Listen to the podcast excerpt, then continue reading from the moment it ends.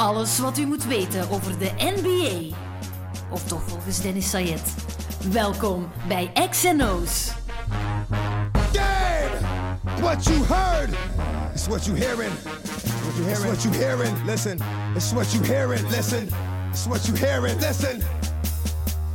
X gon' give it to you. Nieuwe XNO's podcast met een vertrouwde gast. Frederik de Bakker, we moeten je niet meer voorstellen eigenlijk. Ik denk dat je de meest vaste gast bent op deze podcast. Wauw, ik, ik moet zeggen, ik, ik keek er wel naar uit, echt. Ik ben content dat ik hier ben, moet ik De, zeggen. de vierde keer, denk ik, hè? Derde of vierde keer, ja, zoiets. Twee, drie keer alleen met deze En een keer met dingen, met eh, Johannes. Johannes Chenaar, die we ook eens moeten terugvragen. trouwens. Zeker, tof De- op, hè. Over de niks genoeg te praten. En het is een grote New York Knicks fan, dus ik denk dat we daar eh, echt wel iets mee eh, kunnen doen. Eh, goed, eh, Frederik, de. All-Star break is voorbij. Vind jij het even vreemd als ik dat er nog maar een match of twintig te gaan is? Ja, ik verschiet ervan, want ik luister ook naar... Ik zeg het, ik luister naar, naar eh, basketpodcasts en wat is het allemaal. En dan krijg je daar plots zo, hè, zo de, de, de, de three, three, three quarters eh, mark van het seizoen. Ik best wel jaren, al 60, af, eh, 60 eh, matchen gespeeld.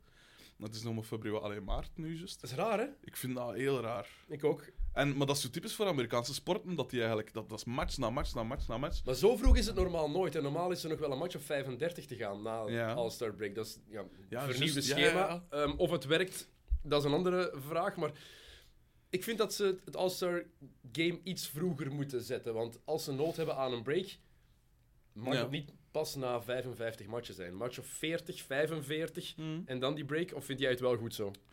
Eh, pff, daar nu- heb ik nu op zich niet zo echt een, een mening over. Ehm, eh, want ik ben ook van het principe van ja, als je zoveel betaald krijgt, dan, dan moet je maar zien dat je fit bent. Moest ik zoveel betaald krijgen, dan zou ik zelfs fit zijn. maar ik vind het vooral raar dat, je, dat die een transfer deadline, dat dan nu nog later in, in het seizoen valt, zogezegd daardoor. Hè, doordat alles wat opgeschoven is. het, is, het is voor de All-Star break. Dat was vroeger anders. Hè? Ah, wel, ja, vroeger ja. was het erna. Maar als je dan nu ziet van, ja, oké, er zijn dan eh, wat trades geweest, dan pakt dat ze sindsdien een match of tien gespeeld hebben, of ik weet niet, misschien... Sinds All- Mijn, sinds, eh, mijn tijdsbesef is niet altijd wat dat nog, nog, nog geen zijn. teammatchen, nog geen... Ah, wel, voilà. Dus dan heb je eigenlijk drie vierde gespeeld, en dan is dat laatste dingetje, waarbij in het geval van de Cavs bijvoorbeeld, Ja. dat je eigenlijk nul van je ploeg moet eh, ingespeeld krijgen, dan moet je dat doen op, op één vierde van het seizoen. Koning James die zijn, al zijn inwoners repatrieert. Dat is eigenlijk wat er gebeurd is. Hè? Gewoon Absoluut. bewoners van eh, de land buiten. Goed, genoeg om over te praten. Ja, ik vroeg het je al voordat we aan de podcast begonnen. Dan zijn we op ons Je hebt, best. je, hebt absoluut. je hebt de All-Star Game niet gezien. Nee. Ehm, Nee, omdat dat interesseert me eigenlijk niet zo echt. Vooral omdat sinds de laatste jaren is dat gewoon, ja, eh shot, shot, shot en niks van verdediging. En ik heb wel gezegd in een van de vele, mijn vele passages hier, dat, eh, dat defense, dat, dat, daar gaat het om, hè. Dat is, het, dat is het beste aan basket. Het was nogthans stof en de All-Star Oh, Game ja. is beslist door een defensieve actie van Ja. LeBron en Durant. Dus dat is al... Voilà, dus dat is wel een verbetering. Kijk de highlights al eens, maar, het, eens. maar het systeem is ook weer... Allee, dat, gelijk nu ook, ik, ik vind...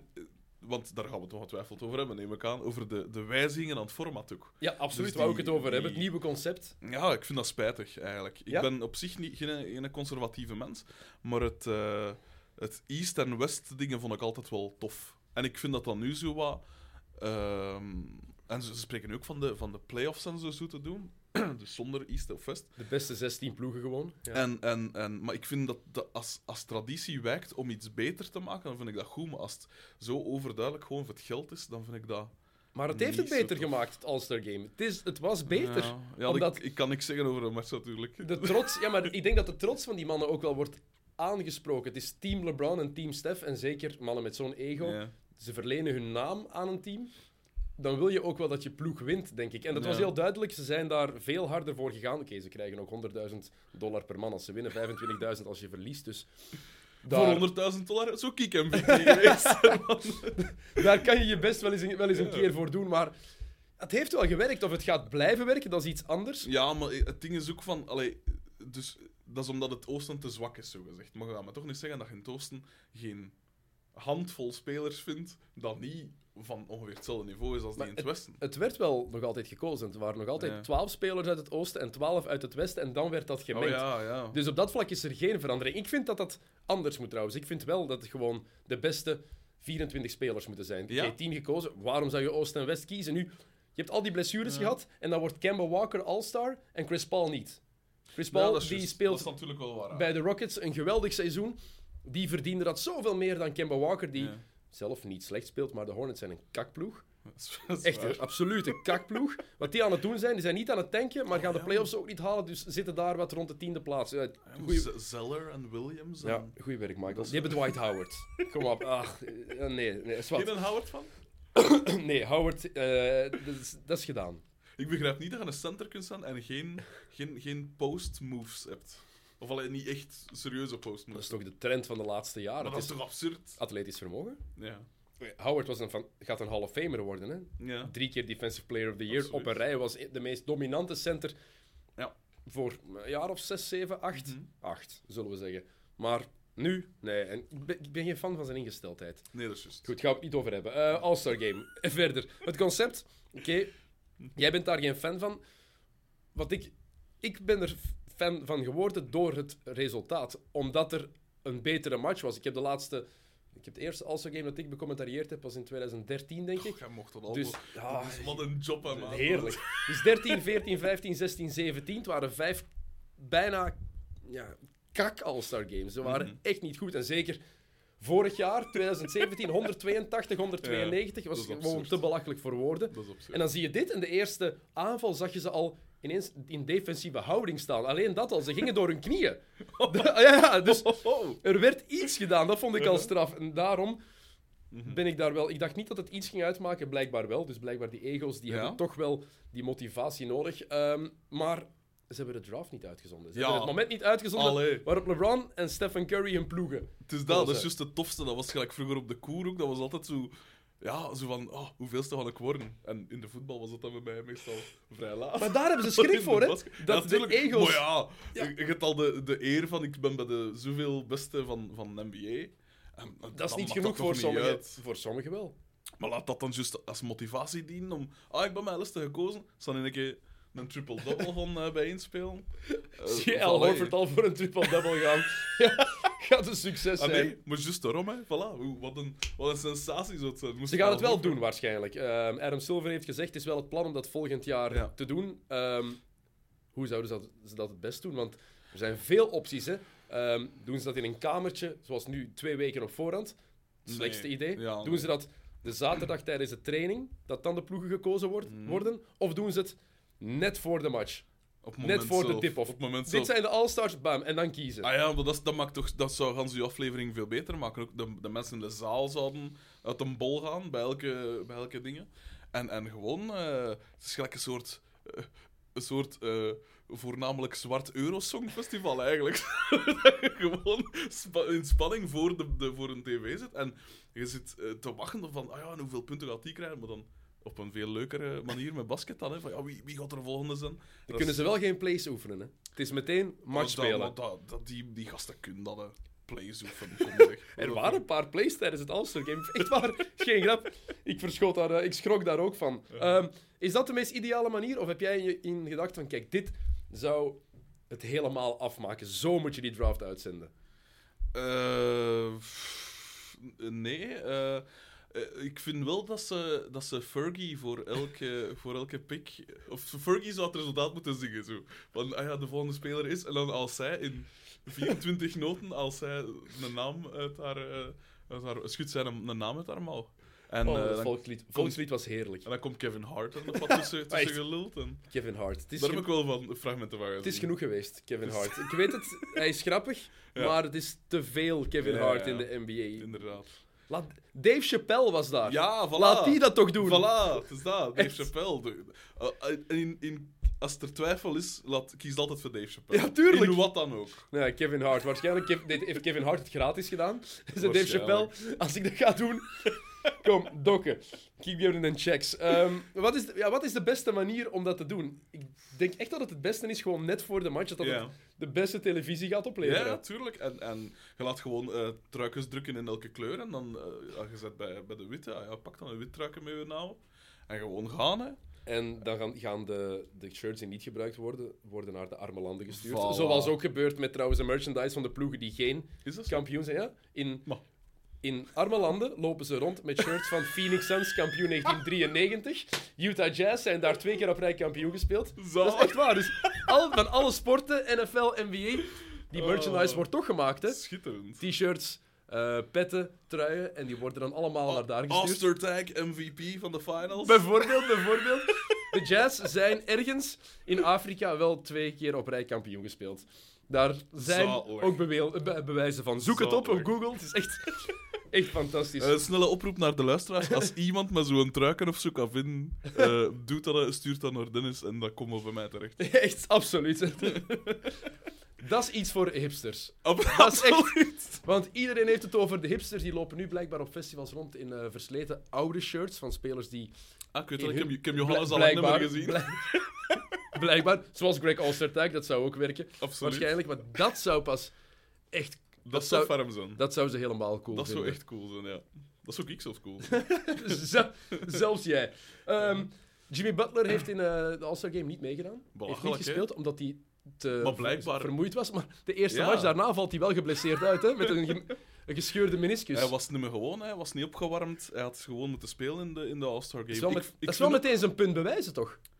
Ja, Ik was te moe om te spelen. Ik heb, ge- ik heb schrik om geblesseerd te geraken. En de eerste match die hij speelt na de break, gebeurt dat ook effectief. Maar wanneer is de laatste match voor de, voor de All-Star Game? De la- het laatste, Dat is toch zo'n laatste- paar dagen Donderdag is de laatste speeldag. Ja, en en dan is zondag het de zondag de- de match. Ik, ik weet dan niet. eh, Eigenlijk heeft hij, een- meer, heeft hij meer dan een week vrij gehad. Want hij heeft vr- vrijdag nacht zijn blessure opgelopen. Ja. Wel ja, dan laat dan weten van ja, het gaat niet. En, en bel, de, bel Kemba Walker op en eh zegt dat het afkomt. Of, of wie dat ook de volgende. J- Jij, jij vindt ook dat dan zo de eer van geselecteerd worden als All-Star een beetje te veel ja, Nee, ik begrijp dat wel. ondergesneeuwd wordt? Nee, ik begrijp dat wel. Dus, dus uiteindelijk dacht staf voor gans de rest van je leven op je palmares. Maar eh, ja, het is wel stoem dat je dan, allee, je is dan geselecteerd en, en dan, allee, dan speelde niet. En terwijl er wel gasten zijn dat wel hadden willen spelen, uiteraard. Tony Allen, om er maar één te noemen, die zou bijzonder graag gewoon een Ik keer denk, dat- ik denk dat hij zelfs geen ploeg heeft op dit moment, Tony. Nee, ik denk het ook niet. Hij Free is agent. vrijgekocht, hè, dacht Ja, ik. ja. Is ook heel, helemaal washed. Ze zijn er nog meer Terwijl, trouwens. terwijl ik hem op eh, NBA 2K in mijn basisploeg staan heb, hè, bij de Bulls. Ongelooflijk. Ik eh, Total rebuild. Eh, zo goed als ik hem eh, Whiteside op center, eh Bosch op power forward, dan Bosch. absoluut opgevist en eh stopscorer van de, van de league. Dan Allen, dan eh wacht, Mitchell, dan of een Mitchell, Chris Dunn en dan op de bank heb ik parels zoals daar zijn, Buddy Hield, Oh. Derek Favors, Oh, wacht, eh, Kyle Korver. Oh. Meta World Peace opgevist voor een beetje, Oei, een beetje, oei, defense, een oei, beetje oei, attitude. oei, oei. Nee, dat, is, Ehm, dat is heel erg. En dan heb ik er nog een paar, maar ik vergeet ze. Dat is heel erg. Chris Bosch trouwens, die wil terugkomen Ja, naar, ja. eh, naar de NBA. Ik vind het een heel gevaarlijke situatie. Ik ja, denk dat er geen enkele medische staf is die hem gaat clearen. dat pijs ik ook niet. Twee keer op rij bloedklonters voilà. in zijn longen. Hmm. Is niet niks. Ik snap dat ook niet. Heeft- Ik denk dat hij zes kinderen heeft. Ja, waarom Wa- zou je het riskeren? Ja, daarom. Oké, Ja. ik snap dat je het spelletje te graag speelt en mist en dat je dat wil doen. Maar waarom Oh, zou je je leven riskeren voor zoiets? ja. Langs de andere kant, de goede Chris Bosch, als die bij een contender Absoluut. tekent, en ik zeg al van begin van het jaar, pas op dat die, die gaat tekenen bij de Cavs. Ik zie dat echt gebeuren. Is geen grap, ik ben heel serieus. Maar, Ik- maar waarom? Waarom ze men toch van Dwayne Wade geleerd? Oké, die was nu niet zo maar- slecht, Oké, maar... maar Dwayne Wade past niet meer. Dwayne, Dwayne Wade op deze leeftijd past niet meer Mm. bij LeBron. Chris Nee. Bosch heeft, nog, heeft al die tijd een goed driepuntshot gehad. Dat is juist. Dus met andere woorden, al speelt hij vijf of tien minuten per match, dat past bij wat LeBron ja, wil. maar zat een Channing Frye en zo hem te hoek laten gaan. Hè. En ik wil nu niet zeggen dat Bosch de nieuwe Channing Frye is, maar... Channing Frye ook maar iets te maken heeft met Chris Bosch. Vreem- vreemde vergelijking. Ah ja, een, een, een, een stretch 4. En, en... Ja, maar Bosch is, en- Bosch is een all-star geweest. Echt een super, ja, een Zwaar. superster, bij wijze van spreken. Heeft, heeft, waar. heeft een titel gewonnen voor Miami. Als hij die Mhm. rebound niet pakt tegen San Antonio, gaat Ray Allen dat shot nooit gooien. Absoluut. Absoluut. Over de Spurs gesproken trouwens, daar wilde ik met je naartoe gaan. Eh, mooi, mooi bruggetje. Sympathiek. De situatie met Kawhi Leonard. Raar. Hoe vreemd is dat? Echt raar. Ehm, nu zou we dus even recapituleren. Mhm. Heeft een eh, quadriceps blessure opgelopen. Einde van vorig seizoen, tenminste in off-season. Ja. Revalideren, komt terug, negen matchen gespeeld. Ziet het er niet uit als zichzelf. Is Nee. echt niet de Kawhi die we kennen. Terug, hervallen. En dan zegt Popovic, ik weet niet of hij terugkomt. Ja. Is hij tweede opinie gaan zoeken. Drie weken of zo in New Ja, York New gebleven. York, weg van de Spurs. Dit is heel ons San Antonio. Een eh, organisatie waarvan we weten, goede cultuur, daar zijn geen problemen. Daar moet toch iets meer gebeurd zijn dan enkel het fysieke. Ja, ja, daar weet ik natuurlijk weinig zicht op. Eh, ik heb geen directe lijn naar eh San Nee, maar het is toch vreemd als je dat ziet bij die, bij, bij die club. En ik denk, je hoort dan Jalen Rose zeggen van ja, oké, maar als je je niet klaar voelt, je kan nog gecleared worden, maar je Mhm. kan je niet klaar voelen. Dat begrijp ik. Ehm, het is vooral ook raar, omdat Tony Parker had een soort gelijke blessure en was op zeven maanden terug of zo, heel, heel snel. En dat was veel ouder ook. Ehm, maar ik denk, en ik heb dat gehoord eh, op, op ja, een van die programma's dat ik volg, dat waarschijnlijk omdat dus bij zijn eerste excuseer, diagnose zou, zou er een soort verkeerde diagnose geweest zijn. Mm.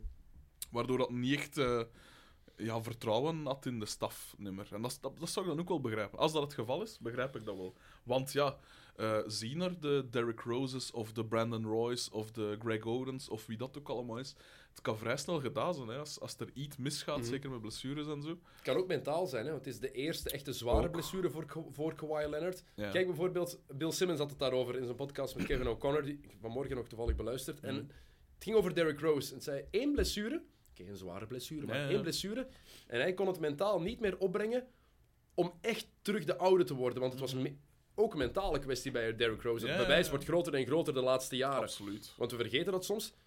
Derrick Rose was even goed of beter als Russell Westbrook destijds. Hè? Absoluut. Toen ja, hij uitviel in 2012. Zeker. En als die gezond was gebleven, hadden we nu misschien helemaal anders naar, naar. Derrick Rose en Westbrook gekeken. Die conversatie was helemaal anders Absoluut. geweest. Maar het verschil is, Westbrook heeft drie operaties in een jaar gehad. Kon daar mentaal geweldig mee om. Hmm. Gelooft in zijn lichaam, vertrouwt daarop.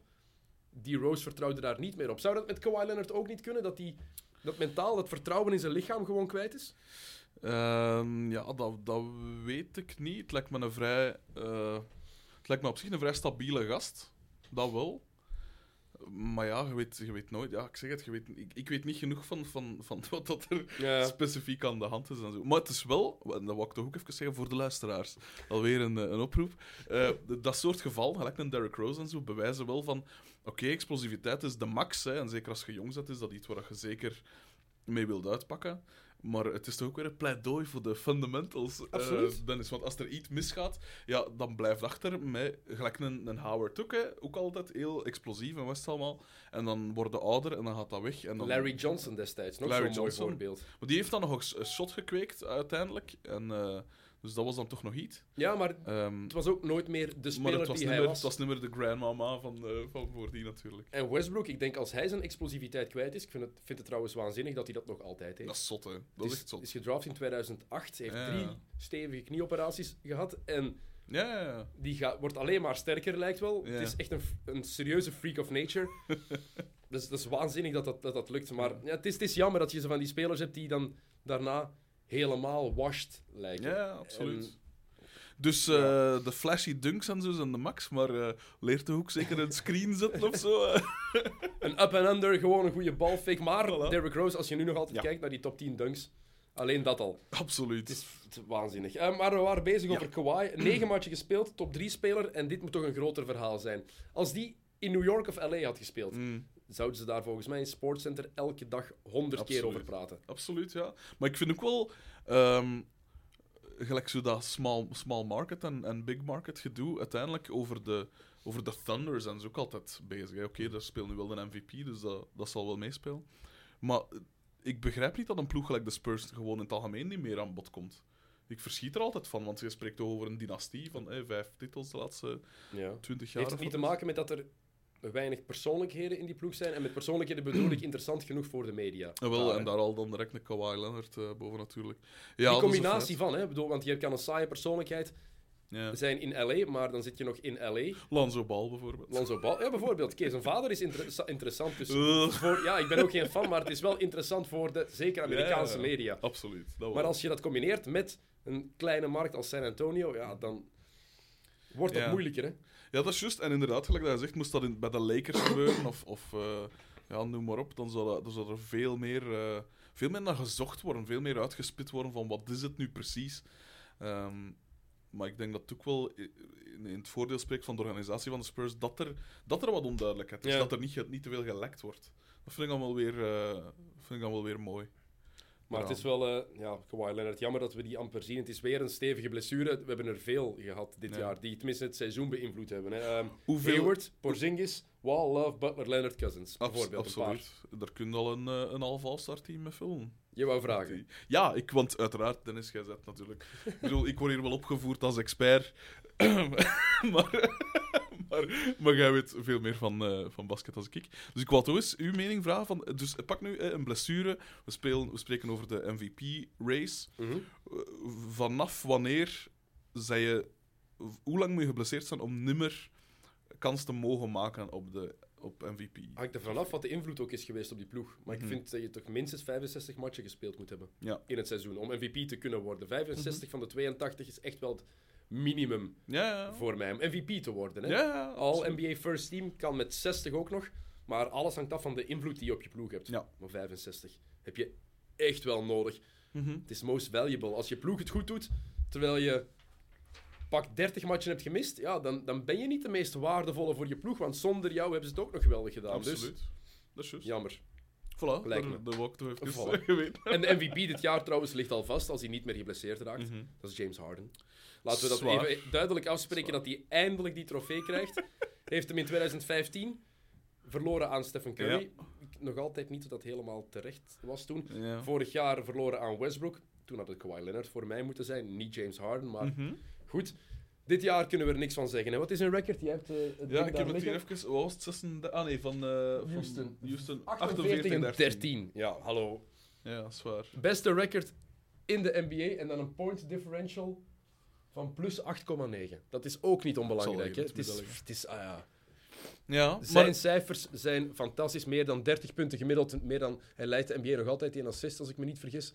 Wie, Ehm, eh, wie, wie, wie is er voor u nog in de... Is- laten we zeggen top, top, top 3 of zo? Harden trouwens derde in assists. Westbrook leidt nu. En dan LeBron James. Harden wel topscorer met Maar dat is 31,3 zot, hè, dat punten je- per match. Dat je, tops, dat je 31,3 per match en nog eens 8,9, dus 9 assists, laat ons zeggen, per wedstrijd geven. Dat is, dat is toch zot? Dat Ja. wil zeggen dat vrijwel letterlijk elke actie, als je op het veld staat, bij u... eh, Ja, en, da- daarom, via u en daarom zie ik Houston minder graag spelen. Het is te veel, heel veel snelle shots. En dat is waar D'Antoni, Mike D'Antoni voor staat en waar de NBA ook ergens naartoe gaat. Mhm. Maar ja, het, het is echt te vaak zo'n bal naar Harden isolation en dan creëert hij wel iets voor Ja, iemand anders. Maar na een tijd heb ik het wel gehad Dat en wil ik die bal eens wat meer zien rondgaan.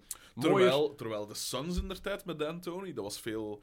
Dat was, dat was distributie tot en met, met een Nash natuurlijk. Mhm. Eh, Ook anders, maar Nash had die isolation niet nodig zoals Harden dat doet. Nee, voilà. Die kan ook niks doen als Harden door zijn benen begint te dribbelen, weet je. Fuck. Dit, Oh, kan, ik een denk- drie, ik dit denk- kan een driepunter worden. Dit kan... Kijk wat hij gedaan heeft Ik met denk- Wesley Johnson Ik denk, ik zou daar van de week een voorbeeld van gezien hebben. Oh, verschrikkelijk, man. Moest ik... Ah, wel, maar, maar dat is iets, en daar wou ik het. Dat steeds... Ik heb, ik heb mij voorbereid deze keer, Dennis. Ehm, ik had hier op mijn, mijn bladje genoteerd, die crossover van- Harden. Moest ik Wesley Johnson geweest zijn, dan zou ik dat toch...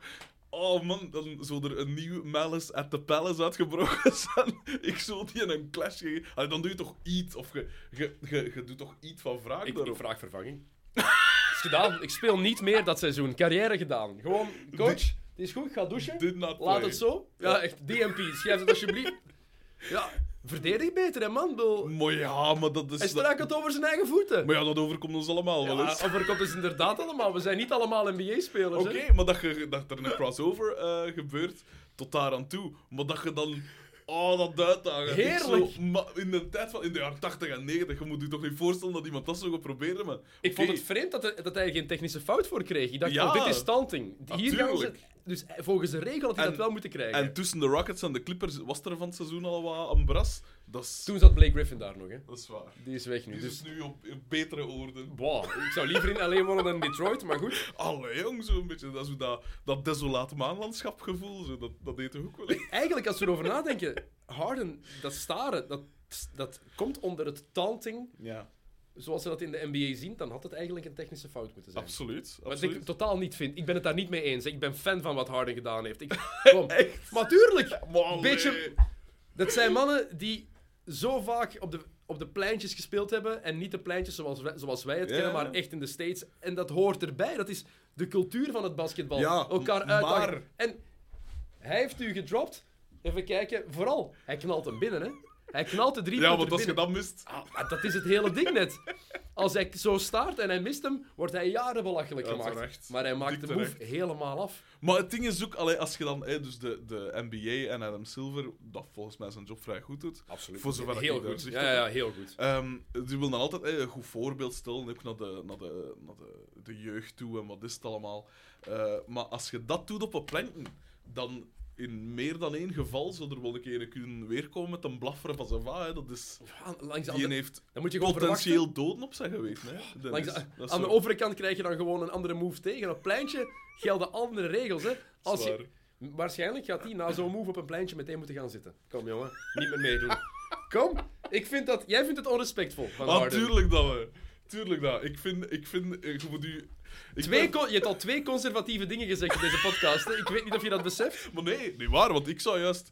Ik, oh ja, conservatief in de zin Ja. van in de jaren. het- ik- Allee, je moet zoiets. Allee, stel je voor dat je Bill Lambier voor je neus hebt. Of Charles Oakley. Of, of, of Vernon Maxwell. Die, die steken je onder de grond als je zoiets doet. Wat, wat, deed, schitterend? wat deed Jordan tegen, tegen de Knicks en tegen de Pistons? Maar Als Jordan hij over iemand dunkte, dan staar, ging hij erover staan en dan riep hij ook, of staarde hij ook. Hè? Dat hoorde er net bij. Maar Jordan dat is iets anders. Die is vrijgesteld van dat soort dingen. Ja, ik- Omdat dat ook een totale psychopaat is. Hè. Als we er eerlijk over zijn. Dat is Ja, toch niet tuurlijk, tuurlijk. Is, als die had gespeeld in de periode van de sociale media, Ja. was afgeslacht geweest. Want het was een even grote, of misschien nog grotere eikel dan Kobe Bryant. Hè? Het Absoluut. Absoluut. is mijn grote, Maar mijn grote held, kick- maar het is zo. Hè? Moest de kick James eh, op dat veld, moest ik Wesley Johnson geweest zijn. En ik ben een grote fan van Baarden, maar die en James Harden zou glad geschoren van het veld komen. Want die, ik zo, die is zijn baard van zijn gezicht getrokken hebben. Ik had, hem, ik had hem tegen zijn kont getikt van nice, nice job. En echt vooral mezelf, mezelf geschaamd. Ja, dat sowieso. Het is zijn eigen fout. sowieso. Maar ja, zijn eigen... Wat kun, wat kun je doen? Je Recht blijven staan! Maar je staat tegen een van de beste aanvallende spelers van de laatste jaren. Zo? Misschien ex- eh, het, het, overkomt iemand, Dus jij zou dat niet voor hebben. Tuurlijk wel. Maar ik zou het James Harden niet kwalijk nemen als hij Goh. deed wat hij deed, want hij had gewoon gelijk en hij gooit hem binnen. Ik, maar had hem direct geschoten, dan zou ik ook gezegd hebben van probleem. En ik zou Krak hetzelfde gedaan hebben. Krak hetzelfde. Moest Ik heb op lager niveau is dat al gebeurd. Een paar keer. Oh, vreselijk. Een paar mens. keer. Fake, paar bal, bal fake over iemand zijn hoofd en draait zich om. En dan in uw shirt en dan Nee, nee, nee. rondvliegen. Gewoon wachten tot hij zich terug omdraait. En dan pas Allee, shotten. man. Oh, Dat heeft al goed, vreselijk. het heeft al een goed gevolg gehad en een slecht. Ja, is het echt? Wat was het slechte Ja, een shot missen. En dan ben je belachelijk. En hop, douchen maar. Nee, gewoon, ja, het is belachelijk. En shot scoren, Oh. dan ben je een baas. Ja, Ik, ik ben fan. ja, oké. Jij, jij vroeg me daar straks nog wie dat ik nog als MVP-kandidaat zag. Hè? Ja, ja, inderdaad. Ja, het zijn de, de vaste... Ja, James Harden is voor mij de MVP voorlopig, heel duidelijk. Mhm. We onderschatten Giannis Antetokounmpo een klein beetje, denk ik, de laatste tijd. Maar Ja, met Milwaukee zevende, sorry, dan kan je geen... Gaat niet. Kan je geen Alhoewel, was, hoeveelste was OKC vorig jaar? Russell Westbrook had gemiddeld een triple-double. Dat was de enige reden waarom hij MVP is geworden. Maar zit Janis er zo ver vanaf? te ver. Ja, te ver. Er zit niet aan, Ja, staat hier toch niet in de top 5 bij. zit niet aan eh, Hmm. in de buurt van 7 assists per match zelfs. Wat is het dit jaar? Eens kijken. 27 punten per wedstrijd, 4,9 assists, Oeh, 10,2 rebounds. Oké, het zijn de gewone, typische, klassieke stats, maar 27 en 10 is anders ook wel lekker, hè? Zeg. het is Amai. lekker. Maar het is voor mij niet genoeg om. MVP te worden. LeBron James die heeft net heel zijn roster moeten buiten gooien en verdedigt te En in, weinig. in januari, wat was dat, jongen? Wat een meltdown. Ja, hij, maar hij speelt met momenten heel goed, maar hij was niet geëngageerd voor een anderhalve maand. En hij verdedigt dit jaar echt niet. Maar ik vind inderdaad wel dat, eh, en dat was een argument dat ik ook veel gehoord had, dat is iets wat dat Jordan nooit zou voorremmen. Dat soort, dat soort meltdown, dat soort, wat was het, player, eh, player PER, zo gezegd, dat een, bij het laagste van, van de NBA was. Player efficiency rating. Dat maar zou- het is... LeBron was ook gewoon, denk ik, wou een boodschap geven aan zijn ploegmaat. Ja, Nee, ik ga is- Ja, oké, maar dat is ieders een andere aanpak. Het is, het is zo, ik ben het met je eens, hè. Ja, maar ja, maar Maar- dat is toch zo wat kinderachtig. Van, oh, ik zou. Allee, iedereen, weet toch, iedereen weet dat ze zonder hem niks zijn. Eh, afgelopen nacht, het is eh, vrijdag wanneer we dit opnemen trouwens, voor als mensen het later beluisteren. Ja. Ehm, afgelopen nacht heeft, wie was het? Eh, Dario Saric nog gedunkt op het einde terwijl de match al beslist was. En dat is degoutant, dat is belachelijk. Dus Clarkson gooit zijn bal tegen, tegen hem, wordt uitgesloten.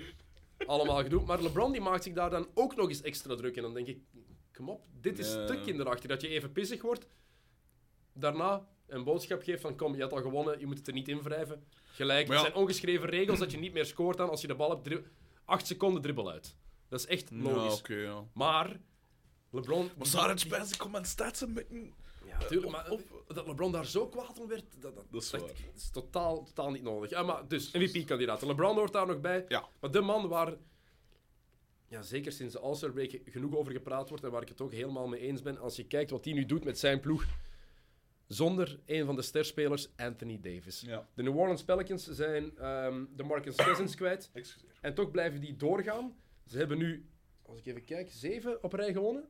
Ja, zeven matchen op rij gewonnen. Ehm, sinds de All-Star break, Davis zijn stats. 37,8 punten per match.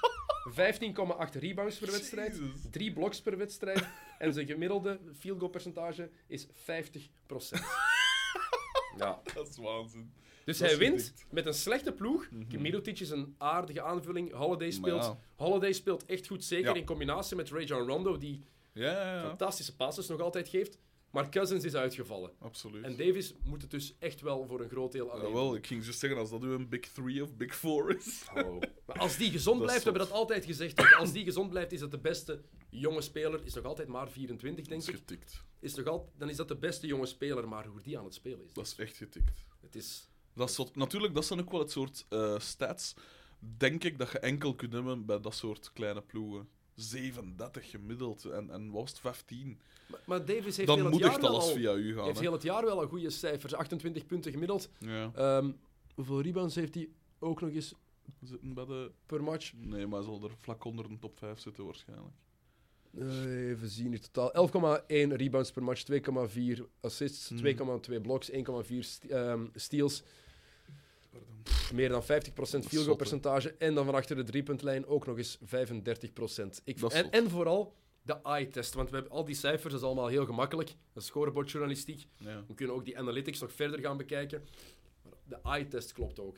Hij is Absoluut. zoveel sterker geworden. En de skills die hij heeft voor een big guy... Dat is zot. Dat is, dat is waanzinnig. echt zot. Ehm, ja, wat moet je erop zeggen, jong? Eh, de gelijk, vraag- wat moet, eh, moet- eigenlijk zo, zo iemand gelijk dat je vooraf, ik zeg het, bij onze highlights komen voor de uitzending. Ehm, maar eh, het is gelijk Garnet, hè, die moet er weg. op een- allee, of, of ze moeten hem meer, meer versterking geven, maar ja.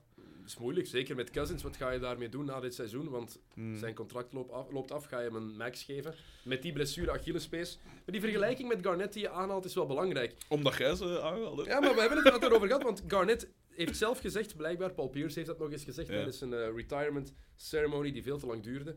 ehm, dat het enige waar Kevin Garnett spijt van had, is dat hij niet vroeger Mhm. naar Boston is gegaan. Dus eigenlijk gewoon gezegd, heeft hij spijt dat hij niet vroeger weg is gegaan Ja, uit Minnesota. Dat begrijp ik. te lang daar gezeten zonder echt succes te hebben. Ja. Eén keer heeft hij de eerste ronde maar overleefd van de playoffs. In Ja. 2004, conference finals verloren van de Lakers met Malone, Peyton, Shaq en Kobe. Mhm. Ehm, is dit vergel- vergelijkbaar aan het worden? Want als ze de playoffs zouden missen, is het de zes, heeft hij maar één keer in zes jaar de playoffs gehaald.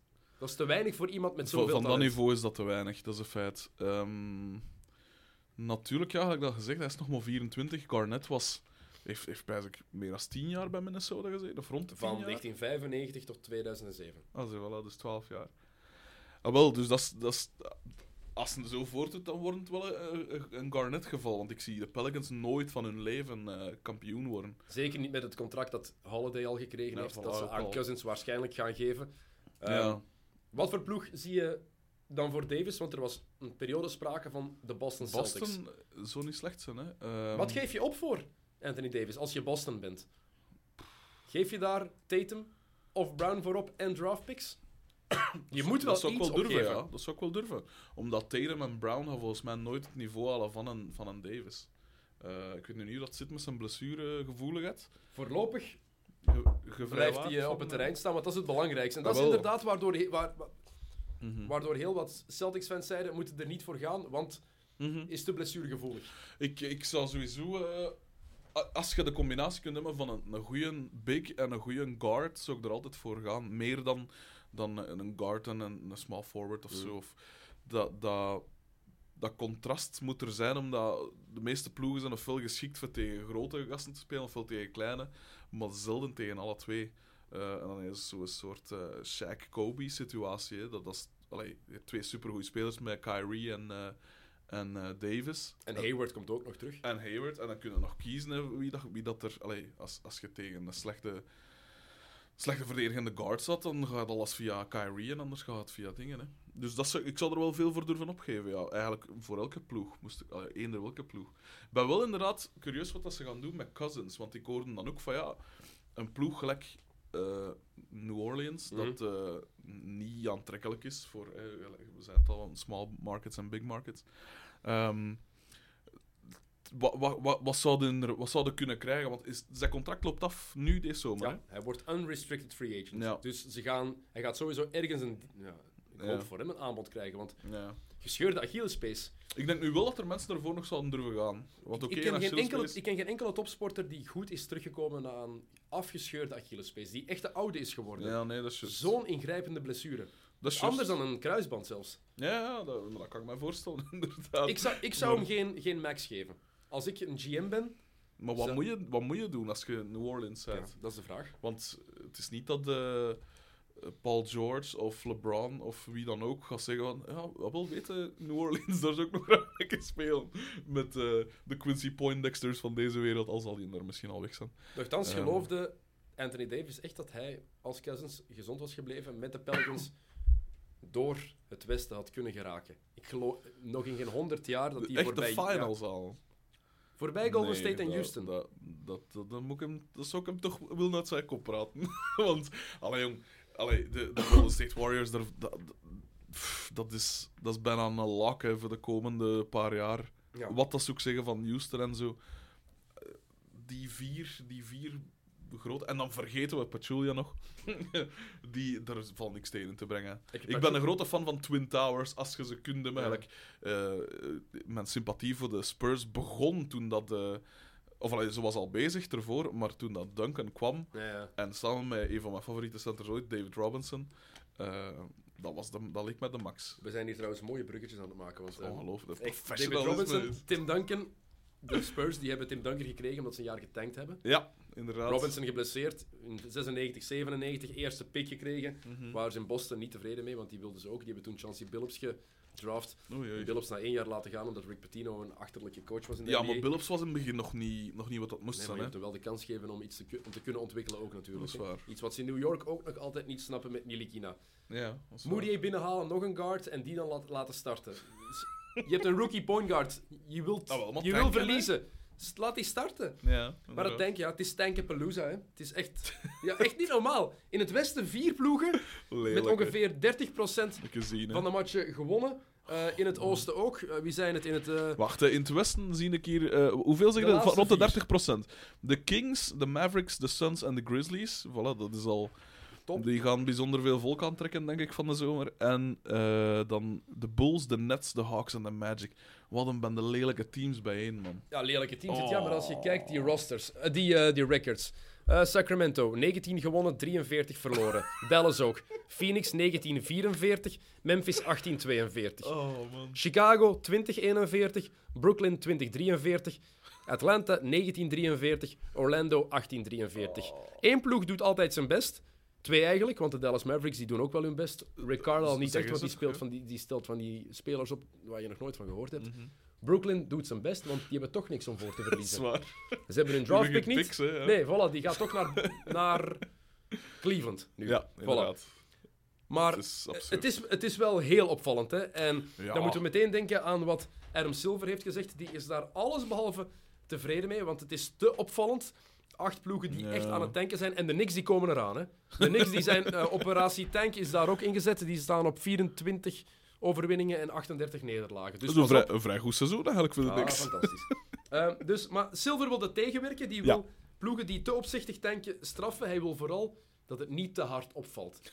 Gaat dat werken om geldstraffen uit te delen? Nee, dat denk ik niet. Want ja, we spreken er over miljardairs. De, de eigenaren, dat zijn miljardairs. Die Mark Cuban, die je voelt geen 600.000 dollar, die je voelt dan niet. hè. Allee. Eh, Want Denk- Cuban is denk ik inderdaad toch. gestraft, zoals je zegt, ja. 600.000 dollar, omdat hij het gezegd op de podcast Met Dr. J. Julius Irving heeft Ik een wist eigen podcast. inderdaad ook niet dat hij in een podcast Ehm, had gezegd, we doen niet mee voor de playoffs, dan is verliezen onze beste optie. Trouwens, Dr. J heeft ooit gezegd dat Michael Jordan niet in zijn top 5 staat van beste spelers ooit. Dus die in, hoe heerlijk dat een speler ook was, kunnen we al niet meer serieus pakken, toch? Dat had je sowieso, sowieso gezopen. Voilà. Sowieso gezopen. Maar, maar wat was uw vraag? Sorry, dus Cuban die Ja. uitspraak, we doen niet mee voor de playoffs, verliezen onze beste optie. Ehm, Ja, wel het, gelijk, is, hè. het is wel zo, hè? Ja, tuurlijk, ja. Het is toch gewoon, is, is het dan het systeem dat An- fout is? Eh, het systeem is fout. Het systeem is zeker fout, want als je ziet op de, de, de Sixers, hè, de Trusted Process en zo, het heeft, het heeft wel wat opgeleverd. Dus op zich, allee, op zich werkt dat systeem van tanken tot op zekere hoogte. Want eh, ik, ik, weet, ik kan mij ook niet direct een ploeg herinneren dat puur door te tanken, buiten de Spurs, eigenlijk van heel slecht naar Mhm. supergoed gegaan is. Het is al lang geleden dat een topic meteen zo'n impact heeft gehad. Ja. Of als we kijken naar de kampioenen van de laatste jaren. Cleveland, LeBron als eerste gedraft. Ja, inderdaad. Oké, Golden State, Kevin Durant als tweede gedraft. Maar daarvoor hadden ze geen top 7, top 6 pick. Ja, Zelfs ja, in hun ploeg. Het jaar, het jaar 2015 dat ze wonnen. De Spurs, Mm. Duncan was al op de retour. Kawhi als 14e of 15e gedraft. Ja. Ehm, Miami, oké, die hadden LeBron. Maar ik wil zeggen, het is geen garantie op succes. Als we kijken naar de laatste 10, 15 jaar, Nee. die nummer 1, 2 of 3 draft pick, is geen garantie op een titel of zelfs op playoff deelname. Nee, ik was pas aan, het, de- aan het denken, het lijstje aan het opmaken, de nummer 1 en nummer 2 draft pick. Hoe lang het ge- geleden is dat Ja. die allebei een goede carrière hebben gehad. En dan moet je echt al een Ja, hele tijd terug. Nochtans, Hashim te beat heeft het toch niet zo slecht gedaan? Oh, fantastisch. maar het is, ik denk, om dat te weten, moeten we echt zelfs terug naar de jaren 90 om echt twee spelers te hebben kunnen, ja. die, dat, die een goede carrière hebben gehad. Dat zou goed kunnen. En dat is erg. En dan denk Ja. ik vooral, waarom bestaat dit syste- dit systeem dan nog? Want vroeger was Ja. het om evenwicht te creëren, Nou ja, om ervoor te zorgen dat de slechtere ploegen beter werden en dat er een evenwicht was. Dat is niet het geval, dat zien we aan de records. Maar op zich, ah, wel, voilà, dus het- vroeger was dat, vond ik dat dus wel een heel goed systeem. Een heel nobel systeem, een heel slim systeem ook gezien, eh, financieel gezien. Hè, omdat ja, een, een ploeg gelijk, oké, ja, de, de Clippers waren altijd slecht, maar in principe kun je zo wel weer zorgen dat er daar wat revenue is en dat die ploeg interessant blijft. Dus op zich vind ik dat een goed systeem. Maar inderdaad, ja, een ploeg gelijk. ga nu een keer zien. Hè. Eh, ja, de Magic, dat is ook al jaren niks. De, de Knicks zijn al jaren niks. Eh, de Nets, ja, dat is ook een miserie. De Suns, ja. pff. De- Daarom de vraag, levert, dus- is dit systeem wel, wel, levert dit wel iets op? Of moet het dat heel- nu is niet, nee. Moet het hele systeem dan gewoon veranderd worden? Die, die lottery, die draft op, op zich, echt dat de slechtste ploegen meer kans krijgen. Ah, wel, onlangs hoorde ik iets. ehm, ik weet ook niet meer van welk programma of welke podcast dat was. Maar daar zeiden ze iets van dat de ploegen dat dus naast de playoffs vallen, dat die eigenlijk een, een even grote kans zouden moeten nemen op die eerste pick. En dat vind ik wel een goed systeem. Dat het niet meer uitmaakt of je wint of verliest. Ehm, dat het alleszins niet meer, dat, je- dat er niet meer zo'n race to the bottom is om te tanken. Dat je, als je dan toch, eh, hoe moet ik het zeggen, als je negende eindigt in het westen of zoiets bijvoorbeeld, dat je, dat je een even grote kans hebt op die een draftpick. Eh, en dat kan, er ook, dat kan ook weer tof zijn voor allee, een ploeg dat negenste wordt, gelijk nu in deze geval op dit moment in het oosten de, de Pistons of de Clippers in het westen. Soms kan ene goede pick echt genoeg zijn om daar plots weer een topploeg van te maken. Dus ik denk dat dat... Dat kan volgens mij... Ik zie er geen nadeel aan. Dus nu gaan ze het willen veranderen. Ehm, En, want als je dan toch... Allee, pak nu... Dus als er geen race met to the bottom is, en je staat hier... Je zet de Dallas Mavericks, staan er nog twee achter u, dan, dan maakt het... Allee, waarom zou je dan proberen te verliezen, als je voor je eergevoel, of voor je fans, of voor weet ik veel, toch nog probeert te winnen? mhm. iedereen, of allee, ik heb toch veel sympathie voor een kutploeg dat, dat, dat werkt en zwoegt en wat allemaal. Zoals Brooklyn. zoals Brooklyn. Om, eh, om eh, er toch nog iets van te maken. Dan, dan dat je daar zegt van, ah ja, we gaan hier een van onze beste spelers op de bank zetten. Wat dat ook al zaad is voor die speler zelf. Want wat, zit die er te doen? Ja, Allee, tuurlijk. pak nu dat, dat, dat Antonio Davis, dat de Pelicans hun voorlaatste staan of zo. Dan gaan ze die op de bank zetten. Dat is toch belachelijk? Het is wat er gebeurd is bij, het- bij Phoenix vorig jaar. Eric Bledsoe, laatste matchen Ja, op de bank gezet. En laatste 20 matchen of zo, denk ik zelfs. Devin Booker, die moest ook op de, op de bank plaatsnemen. Ik vraag me dan af hoe ze dit echt goed kunnen oplossen. Want Binnenkort gaan ze het systeem veranderen. Dan zijn er gelijke kansen voor de toppick. De drie Mhm. slechtste ploegen. De, ploegen met, de drie ploegen met het slechtste record. Mhm. Die krijgen dan allemaal 14% kans op de nummer 1 pick. Nu is het nog verdeeld. De, het slechtste record heeft meer kansen. Ja. Ehm, eh, dat gaat het verschil niet maken. Nee, Totaal niet. Dat ga je niet voelen. Maar dan is de vraag, ja... Dit draftsysteem, moet het niet gewoon, moet het niet gewoon anders? Moeten die ploegen echt een speler kunnen kiezen? Moeten de spelers zelf meer inspraak hebben die uit college komen of die binnenkort... Want college, daar, dat is helemaal, dat is helemaal een ander Ja. onderwerp voor een andere dag. ja, maar daar had ik ook nog iets NCAA, over. dat is over Ja. en out, eh, veronderstel ik. Dat gaat binnenkort echt gedaan zijn, hè?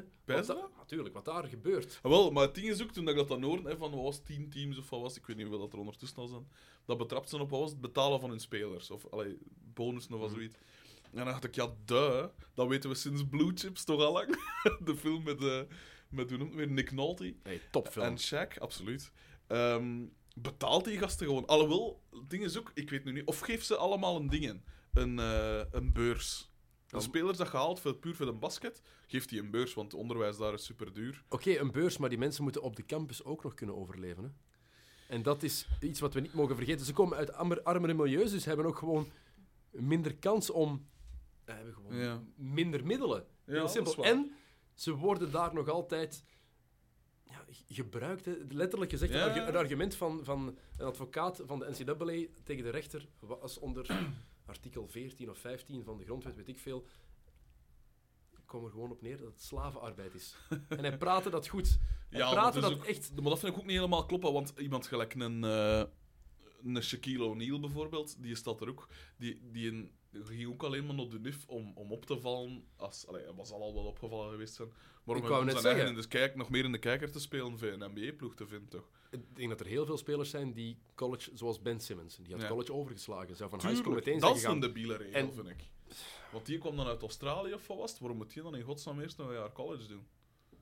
Dat Tja, vind ik wel dus- stupid. Ik ben even aan het zoeken trouwens wat er precies gezegd is, want ik heb het pas geretweet. Mhm. Die uitspraak, het was gewoon te... Jongens, crossmediaal dat we hier gaan. Is... Jongens, ja, ik- het, is, het was te straf. Ah, voilà. Dus de advocaten die hadden gezegd dat ze de student-athletes niet moeten betalen. Mhm. Het dertiende amendement is dat. ehm, allows unpaid slave labor. Staat dat nog altijd in de... Ja, absoluut. Maar daar, daar wal, serieus, daar walg ik echt van. Hè. Oh, maar wat een Maar het, het, hangt wel samen, het hangt wel samen met de draft voor mij ook. Want er gaat misschien een nieuw Ja. systeem komen. LeBron James is daar fan van. Een farm systeem waarin jongens opgeleid worden. Samenwerking met de G-League meer. Ehm, als je dit doet in college, waar de scholen, mil- scholen miljoenen krijgen Ja. van tv-rechten en van shirtverkoop. ja. Met nummers op. De naam staat er niet van achterop. Maar als een speler is die met het nummer 3 speelt, ja, Ja, ja, en die is populair, gaat dat shirt meer verkocht worden. Met Tuurlijk. andere woorden, is dat zijn portret eigenlijk. Dat, Ja, is, ja, het is, het is, ik, heb, allee, ik heb het altijd raar gevonden. Want van de kant zijn inderdaad studenten dat eigenlijk nog niet, niet echt goed hè, wereldwijs zijn en zo. Maar langs de andere kant zijn, dat, zijn, dat, zijn die wel 18 jaar en dus eigenlijk wel volwassen. En inderdaad, als, je, als die inderdaad zoveel geld binnenbrengen, waarom zouden ze dat niet betalen? Voilà. Anderzijds, ze krijgen daar inderdaad wel onderwijs. Op, denk ik, toch wel een deftig niveau. Oké, maar stel je voor dat een beurs dat, Maar- dat, dat een heel, heel schooljaar daar, ik zeg maar iets, 300.000 dollar kost. Gewoon random gedrag, bedrag. ja, hè. ja, ja. Ehm, maar er is omzet van die basketbalploeg door die bepaalde speler is op een jaar Hmm. 10 miljoen. Ja, sorry, dan verdienen ze meer dan enkel dat die, Ja, wat ze opgeleverd natuurlijk. hebben. En 10 miljoen is zelfs veel te weinig voor wat het oplevert. Want je hebt Hmm. sponsorcontracten met Nike, Adidas, Reebok, weet ik veel wat. Ehm, Inderdaad. En ga zo maar door. Het is, Ja. maar wat daar ook gebeurt, dat farm systeem of college gaat volgens mij niks veranderen voor de draft. Ik denk dat daar geen echt goede oplossing voor is. Ja, inderdaad. Zij Glow had pas een idee, een hele lottery reform. Ehm, je moet het maar eens opzoeken. Zo ingewikkeld. Het ene jaar zou die de eerste pick krijgen en dan nee, daar nee, en dan... Nee, op zich vind ik het draftsysteem wel tof, omdat je inderdaad... Het is tof, maar het is geen succes. Ja, dat is juist, ja. Je kan het even goed afschaffen. Maar ja hoe, ga je, ja, hoe ga je ze dan anders bij die ploegen krijgen? Dat, dat vind ik... Kapitalisme. Zoals het in het voetbal meer is Waar eigenlijk. ik zo fan van Ja, ben. ja. Maar het is wel iets waar ze in de VS meer en meer aan denken, hoor. Dat is natuurlijk typisch iets voor de VS, dat is een feit. Maar als je ziet, allee, als, ze- als ze een voorbeeld gaan pakken aan de voetbal, dat vind ik dan helemaal stupid. Want dan blijven de kleintjes echt klein, ja. Dan ga je inderdaad elk jaar... allee, in principe, als je puur het geld volgt, dan gaat eh, de, gaan de Lakers en de Knicks en wie is het, Chicago en de grootste steden gaan de beste spelers hebben. Tot in de eeuwigheid, bij wijze van Ik spreken. weet niet of dat nog zo het, het geval is. Kijk naar OKC. Oklahoma City is nu niet een grote Ja, markt. Maar dat is nu, nou, wel, maar dat is ook wel, een, dat is wel het gevolg van, van draftpicks, toch? Hè? Ik weet nu niet, eh, Harden hebben ze ook gedraft zelf. Hè? Durant als tweede in 2007. Ja. Westbrook het jaar daarna als vierde, als ik me niet vergis, Mhm. of vijfde. En het jaar daarna Harden als derde. Dus daar wordt wel een, een, een kleine ploeg beloond door, voor zijn goed scoutingswerk. En ja, natuurlijk ook goed, goed beleid in de zin van eh, wat, wat dan een Danny Ainge doet. hè, Goe- Goeie picks bij hen zoeken en al. Dus dat vind ik op zich... Maar als, je, als, je puur, als het puur een kwestie is van hey, we hebben hier de beste faciliteiten en we zitten hier in New York City of LA, ja, tuurlijk wil zo'n klein dat er uit Alabama komt, tuurlijk wil er dan naartoe. Dus dat vind ik, dat zou geen goede optie zijn voor dat evenwicht, denk ik. Maar ik ben natuurlijk geen commissioner. Ik ben heel curieus. Ben, ben heel benieuwd wat er van gaat, eh, gaat komen. Het gaat alleszins nog. Ja, is, Ik, weet ik denk echt dat er geen deftige oplossing voor bestaat, eerlijk gezegd. Mm. Ehm, dus ja, we zullen zien wat dat verandert. Ehm, naar aanleiding van Ja. het hele college-gedoe en de mooie Amerikaanse wetten en uitspraken die er gedaan eh, worden, wou ik het met jou ook over eh, mevrouw Laura Ingraham hebben. Zo'n brugje. Ja, ja, ja het, is, het is echt een, een podcast vol bruggen. Eh, Laura Ingraham van Fox News, Mm. niet mijn grootste vriendin, na haar hele rant tegen LeBron James en Kevin Durant, die op Uninterrupted met Carrie Champion daar hun mening zeiden over president Donald Trump. Wat hun recht is als Amerikaans staatsburger, wat, wat, wat, wij ook mogen doen. Tuurlijk. Donald Trump, die deze week voor het eerst zowaar iets verstandigs heeft gezegd in zijn Ah. Strengere wapenwetten, Maar gezegd, dan wel weer direct kan me niet schelen. Hij heeft iets Er verstandigs is gezegd. bewijs. Ik wil positief zijn. Oké? Hij heeft één verstandig ding gezegd. Dus, of hij het meende, weet ik ook niet. Ik weet niet, maar het was iets verstandig. Ehm, een hele rant van Laura Ingraham. Ik ga niet alles eh, vertellen wat ze gezegd heeft, maar het eindigde met shut up and dribble. Ja. Wat vind jij van die uitspraak? Ehm, sowieso, ja, het komt van Fox News, dus dat neem ik ook al niet al te serieus. Dat is Ehm, terecht. Maar, eh, maar het heeft, zegt enerzijds iets over, deze, over het politiek systeem in Amerika, hè, waarbij je dus nog echt die, die verzuiling hebt, hè, waar dat Fox altijd de kant kiest van de Republikein, hoe dan ook. Wat dan al lelijk en slecht is. En, en dus dat ben ik sowieso al geen fan van. Maar het idee dan een atleet, en dat vond ik ook zo bizar aan Hans de Colin Kaepernick-kwestie, met het, eh, het knielen voor het, eh, het, het, het eh, volkslied. Ik, ik versta niet dat er... Ten eerste... Ja, ten tweede, dus ook die, dat patriotisme van die Amerikanen, dat kan ik ook al niet zien voor. Kan zijn omdat wij Belgen zijn. Hebben ze wel allemaal, hè? dat is zot. Democraat, Dat is echt republikein, zot, maakt niet uit, hè? Dat hebben ze allemaal. Jesus. Ehm, maar gewoon het idee, allee, zeker in Amerika, meer dan hier, want je het weer al hè, tijdens de highlights, eh, van, eh, van ja, hier kijken we daar eigenlijk ganz anders op. Eh allee, bij als de coureur iets, iets zegt over, over politiek of zoiets, dan zeggen wij inderdaad van een coureur moet hem daar niet mee bezighouden. Meestal ook wel terecht. Vind je dat? Maar dat Ik zijn weet wel- dat ja. het, maar- zijn, maar het zijn wel mensen waar, vanaf kinderen naar opkijken. Ah, wel, voilà. Dus dat is, mijn, dat is dan het tegenargument. Iemand gelijk een LeBron James of een... eh, LeBron James vind ik nu een slecht voorbeeld, omdat die echt puur... Dat, dat, barsten van het talent. Maar als je een Stephen Curry bijvoorbeeld, want in Steph het begin van zijn voilà. NBA-carrière had Ja. niemand gedacht dat hij zo goed zou Steph worden. Curry of een, een Butler of zoiets, of, of zo van die late draft picks, Kawhi Leonard of zo... eh, dat zijn wel mensen... Of als je alvast spelers hebben waarvan je ziet dat ze intelligent zijn. Dat, dat kan nog iets anders zijn. Eh, want moest, ik zeg maar iets, JaVale McGee of... eh, of eh, hoe noemt het weer? Nick Young. Voilà, dat was exact, exact Ja, ja. wie dat ging Ik dacht het, ik zag het. Dat lijken me niet de mensen dat de politieke uitspraken moeten doen. Maar, Maar ze in- hebben wel het recht. Ze, hebben wel het recht, om dat te doen. En dat is het hele punt van wat, die, wat, wat Laura Ingraham zei. En het is inderdaad ook omdat het James is, een, waarvan we weten dat het geen dommerik is, dat, en dat hij ook zoveel invloed heeft. Tuurlijk dat het daarom is. Maar in Amerika zeker eh, moet dat kunnen, omdat daar heb je nog altijd die illusie van een American Dream. En, en inderdaad, daar heb je die ghetto's waar mensen inderdaad... Waar dat basket echt een uitweg zijn uit, uit schrijnende armoede. En dan zijn dat soort mensen zijn eigenlijk mensen die vanuit de politiek zou moeten eh, eigenlijk proberen gebruiken voor uw zaak. In, plaats van eh, die klein proberen te houden. Ehm, als je zo iemand voor je kar kunt, kunt trekken, eh, of een, een Mohammed Ali of zoiets, als je die je... heeft Hillary toch ook gedaan? Hillary heeft LeBron letterlijk gebruikt ah, tijdens wel, haar voilà. campagne. Of ik daar fan, daar fan van ben, dat is iets anders. Vind ik... niet- Ja, oké, goed, maar... Dat nee, maar terzijde. het is, het is ik denk gewoon... beter, vind ik dan. Ja, maar van wat ik ergens gevoel bij heb van Mm. wat die Fox-presentatrice dan zegt.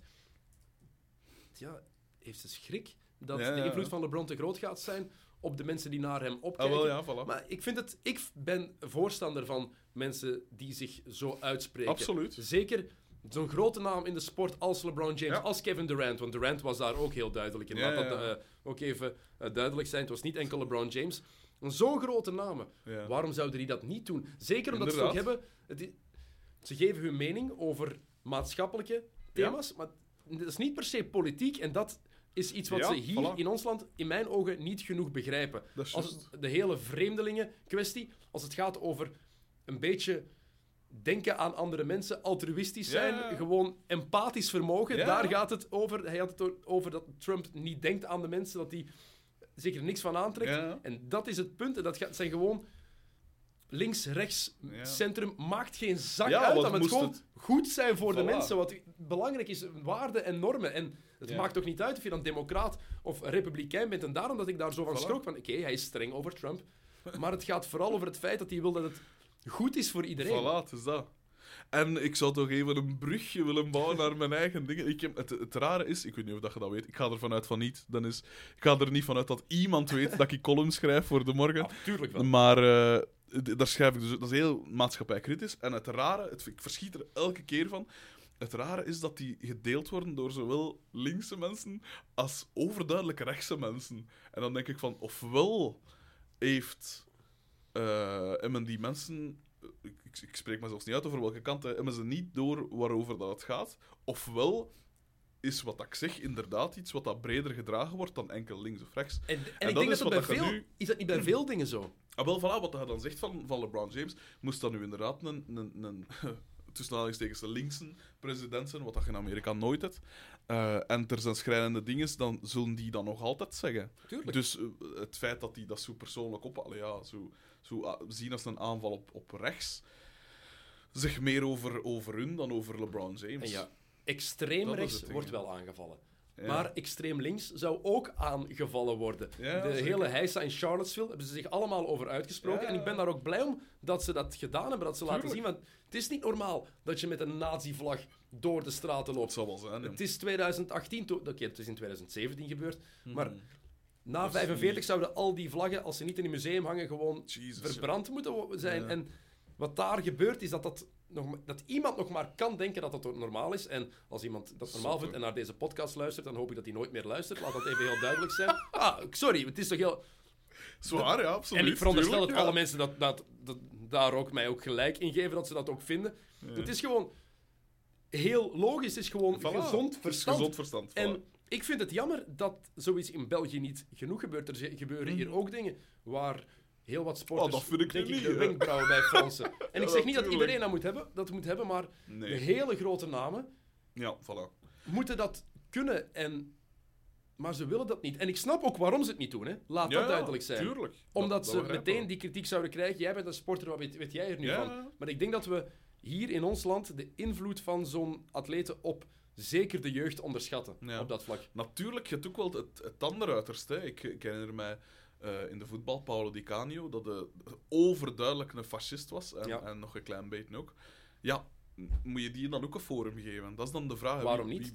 wie- is- ja. Freedom of speech, vrije meningsuiting. Maar dan verwacht ik ook van de rest van de voetbalwereld om daar tegenin te gaan. Tenminste, als zij tegen het fascisme zijn. En ik veronderstel dat Ja. 99,9% van de mensen tegen een fascistische heerschappij is. Ehm, dat, ik, vind, ik heb er geen probleem mee dat, een- dat een sporter Nee. zijn mening En zegt. Als hij iets achterlijk zegt, Ja, wat nergens op slaat, ja, ga ik ook zeggen, ja man. tuurlijk. Ja. En Maar als het, onderbouwd, als het onderbouwd is, zoals Ja. LeBron doet, zoals Chris Paul doet en James Harden af en toe, en Dwayne Wade en Carmelo Anthony, die onderbouwen hun argumenten. ja, ja.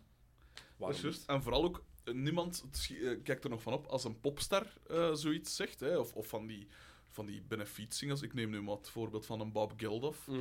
ehm, jaren geleden. dat soort dingen, daar wordt daar, niemand kraait daarnaar. Of een, een Bono van, van U2. Of Oprah met haar speech, die door Voilà. iedereen werd gelauwerd. Ja, voilà. Dus die, dat zijn ook gewoon entertainers. Eh, dat mag dan wel, maar als een atleet dat doet... Maar dat mag ook in België niet. Ken jij een entertainer die dat zo openlijk doet, zoals dat in de VS het geval is? Dat is in, in, on- in België puur even in Vlaanderen dan, om het helemaal te beperken. Zit gewoon veel minder in ons DNA. In Bel onze... Belgen zijn- zijn broekscheiters op dat vlak. hè. Ik vind het ergens jammer dat er Ja. niet meer... Ze- Ja, ik vind dat ook. Ik, ik zeg nog eens, niet, de politieke voorkeur kan me niet schelen. Moet ook niet gezegd worden. Het gaat puur over Nee, zo'n ja, maatschappelijke Tuurlijk, issues. ja, absoluut. Het is inderdaad ook raar, als je dan ziet... Ik, ik, ik kom uit de punkrock, hè. Eh, begin jaren 2000 a- waren er superveel punkrockgroepen dat tegen Bush waren. En dat ook met, met, met eh, dingen achterin, hè, van, die, van die backdrops achterin, Mhm. als ze speelden. Dat overduidelijk anti-Bush waren. En ik verschiet ervan, los van welke partij, dat achter welke stroming dat ook staat, dat dat in België dus inderdaad niet gebeurde. Onlangs dacht ik van, ja, als we nu inderdaad zo'n keer een, een anti-Franken backdrop zouden laten maken. En je etaleert u echt als een, een, een, een, een politiek... eh, alleen met politieke lyrics en wat het allemaal. In België eet dat eigenlijk niet, hè. Omdat we... Ja, hier zijn we... eh, ja, gelijk dat we... Gelijk, wat dat inderdaad mijn eerste reflex was... Eigenlijk eh, je- moet je daar als, als, als eh, coureur bijvoorbeeld, of als muzikant, eh, moet je daar niet zoveel over zeggen. Maar eigenlijk is dat wel fout. Want inderdaad, als het dan over Amerika gaat, dan ben ik juist omgekeerd. Maar En ik dan denk, ben ik van, doe dat wel. ja, maar ik denk dat hier, als ze dat zouden doen, en je haalt Franke trouwens aan, dat het de meest ja, polariserende figuur is in onze Mhm. nationale politiek, eh, gewoon. Maar als je dat hier zou doen, denk ik dat dat ook een invloed zou hebben op hun inkomsten en op hun sponsorcontracten en op kansen die ze in, bij een bepaalde ploeg krijgen. Ja. Ik denk echt dat dat een te groot probleem Ja. zou zijn voor heel veel sportieve bazen, directeurs. Terwijl dat stupide is, want inderdaad, elke publiciteit is goede publiciteit. hè. Of alleen te zeggen, Ja, tenzij wow. dat je echt de grofste uitspraken doet. Die mannen in Charlottesville hebben geen goede publiciteit gemaakt voor zichzelf. Echt, eh, En Donald Sterling in der tijd, die zal er toch ook wel iets van, ge- van gemerkt hebben. ja. Zo- zonder twijfel. zonder twijfel. Goed, we gaan nog een paar eh, snelle dingen doen voor het hier... We, Ja, zijn over het uur, dus we gaan hier eh, bijna afronden. Een paar snelle topics. Ehm, Ja. De NBA denkt aan een toernooi om de... Oh. Even, even wat ver- Ugh. ver- verfrissing, hè. Aan een toernooi om de laatste twee plaatsen in de playoffs te verdelen. Dus het zou zijn plaats 7 tegen 10 en 8 tegen 9. Maar nee, ja, ja, dan heb je zo'n soort, een soort eh play-off systeem, gelijk bij ons in de voetbal, wat dat verschrikkelijk lelijk is. Laat dat toch gewoon zijn, wat maakt dat nu uit? Allee, al die... Nee, laat dat gewoon. Uw systeem is simpel en duidelijk. Iedereen weet hoe dat zit. Pas gewoon dat draft-systeem aan dat ik zei. En laat dat toch zo. Van een mini-toernooi, zeg, kom aan. Ik denk dat heel weinig ploegen zich daar ook voor gaan kunnen motiveren. Ja, tuurlijk. En, en hoe, dus dan moeten ze eerst hun uiterste best doen om dan juist plaats 8 te, Ja. te veroveren. Om dan er toch in, in, men uitge, uitgesweept te worden door de, de Warriors, de Rockets, de, ja, de- momenteel de Raptors of de Celtics. Eh, dat, dat gebeurt niet, hè. Allee, wat is dat nu? Oké, iets anders dan. Ehm, eerste ronde in de playoffs, terug naar een best of five. Omdat de best of sevens in de eerste ronde, behalve het ene jaar in 2014, denk ik, dat de eerste ronde meestal niet echt de moeite is. En eh, de Nuggets tegen, eh, tegen Seattle met Mutombo, zijn Ja. eh, legendarische beelden op de grond. Een best of five is daar eigenlijk wel. Maar ja, anderzijds. Als je dan 2-0 achterkomt, raak je bijna nooit meer terug. Ja. Daarom, tegencounter, eentje van Bill. Simmons, een hele goeie. De topseed krijgt vier thuismatchen in plaats van maar drie. En zo word je toch beloond voor je Oh. prestaties in het reguliere seizoen. eh, pff, Je mag nee zeggen, hè? ja, ik weet niet, ja. Ik heb er niet zo echt een. een eh, Van de kant pijs ik inderdaad, ja, waarom moet dat zeven matchen duren? Terwijl dat meestal toch al vast staat. Maar het moet maar eens gebeuren, hè. Dat je, dat je als giant killer direct de, de favoriet eruit smijt. Dat vind ik wel weer tof. Eh, maar in, in principe zou ik zeggen, verkort dat tot, tot vijf matchen. Want die playoffs duren echt super lang, hè. Die duren heel het Dat is zo. echt... Het is zo. Ehm, de Rockets, zijn die gemaakt om de Warriors te verslaan? Nee. Ja of nee? nee? Nee. Waarom niet? Ehm, niet genoeg defense, denk ik, bij, bij de Rockets. En genoeg defense bij de, bij de Warriors. Ik denk dat je met, eh, met eh, Thompson, Durant en Draymond Green... dat je, als je echt wilt, als je zegt van gasten, oké, nu doen we een slagje bij op defensief vlak, daarmee krijg je Houston wel aan banden gelegd, denk ik. Zelfs en die isolation plays gaan een pak moeilijker zijn als je Draymond Green of Kevin Durant of Klay Thompson tegenover je krijgt, Ja, voilà. dan dat je bijvoorbeeld Damian Lillard en Voilà. CJ McCollum ziet. Dus dat, dus dat denk ik niet. Eh, want eh, ik heb, allee, ik heb het al, al de, vier, de drie vorige afleveringen ook gezegd. Ik ben een zware fan van defense. En in de playoffs, ja, dan wordt er wel verdedigd. Hmm. 100 jaar kunnen inderdaad misschien wel een ploeg kapot scoren. Maar ik geloof nooit van zijn leven dat die, eh, dat die in zeven matchen dat ze, dat, dat de Rockets winnen. Is OKC wel goed genoeg om de Warriors echt pijn te doen dan? Niemand is, is goed genoeg om ze pijn te doen. Is- eh, iets anders dan over OKC. We gaan meteen door. Carmelo Anthony, ehm, ik vind dat hij washed is. Ik vind het ook een beetje Ik van Dwayne Wade. Moeten die er allebei mee stoppen na dit seizoen? Aangezien zijn een rol, eh, een rol als roleplayer, dat dat misschien moeilijker ligt Ik moet, voor ik, hen. ik moet wel bekennen, inderdaad, eh, de late jaren negentig, toen dat Olajuwon plots naar eh, Toronto ging, dacht ik. En Ewing bij... Orlando en Seattle. Ja, de Magic en Seattle. Dat vind ik toch inderdaad ook wel lelijk. Ik vond het al lelijk toen dat Wade wegging bij Miami. Ik begrijp waarom, maar ik Ja, hij, vond is, het wel hij is lelijk. terug, hè. Ja, maar het is toch lelijk, zo dat, dat plek, dat, dat, dat ertussen van eh, de Cavs en, eh, en de Bulls. Ehm, eh, moeten ze stoppen? Dan moeten zij weer... Ik weet niet, ja, als je inderdaad nog miljoenen kunt verdienen, waarom niet? Anderzijds, je hebt al miljoenen genoeg, dus waarom wel? Ehm, ja, kom, laat ze maar stoppen, want ik ben geen fan van Mello en, en, en Wade. Ja, dat is... Wat is die, 36 of zoiets? Het zal niet veel schelen, zal niet zeker? veel schelen, nee. Pff, Ja, dan is het goed geweest, zeker. Oké, laatste. Ehm, we gaan eindigen met de Los Angeles Lakers. Die trouwens, Oh, yes. hey, die echt goed aan het spelen zijn. Zwaar, Echt, ja. als we kijken zelfs naar die record, 27 en 34. Ja, zijn, ja. een, zijn een draft Dat pick is rond toch de 50, kwijt, ja. als ik me niet vergis. Ik denk dat hij naar Boston Dat of zou kunnen, Philly ja. gaat. Zwat, Komt altijd wel bij Boston terecht, hè. Voor- op een voilà. manier. voor welke spelers moeten ze gaan als ze voor twee free agents gaan? Ik heb een lijstje, Oeh. vijf namen. Ja. Uit die vijf, is gemakkelijker. Mhm. Ehm, LeBron James, Paul George, Kawhi Leonard, Klay Thompson, Kevin Love. Welke twee zou jij willen combineren bij de Lakers? Ik pijs, ik pijs dat LeBron niet gaat lukken. Eh, Want dat heb ik ook genoteerd. eh, dacht, daar zal het misschien ook wel over gaan. Ik pijs dat, en dat wil ik u ook wel vragen. Wat pijs jij dat mij het best doet? In het oosten blijven.